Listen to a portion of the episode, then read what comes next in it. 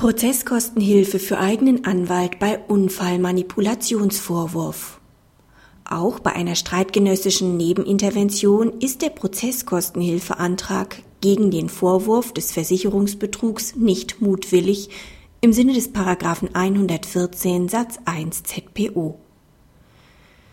Der Kläger verklagte den Fahrer und dessen Kfz-Haftpflichtversicherung aufgrund eines Verkehrsunfalls.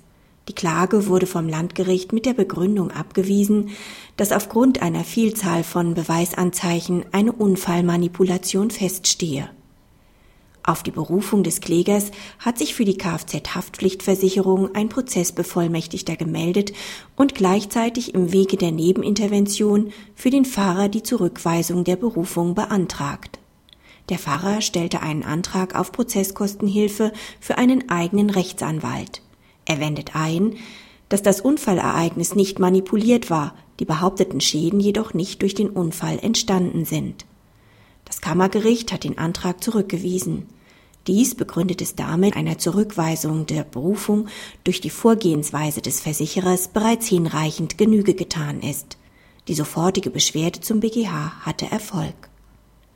Der BGH hat ausdrücklich entschieden, dass der Versicherungsnehmer, der sich in dem Verkehrsunfallprozess gegen den von seinem mitverklagten Haftpflichtversicherer gegen ihn erhobenen Vorwurf eines versuchten Versicherungsbetrugs verteidigen will, nicht mutwillig im Sinne des Paragraphen 114 Satz 1 ZPO handelt, wenn er einen eigenen Anwalt begehrt.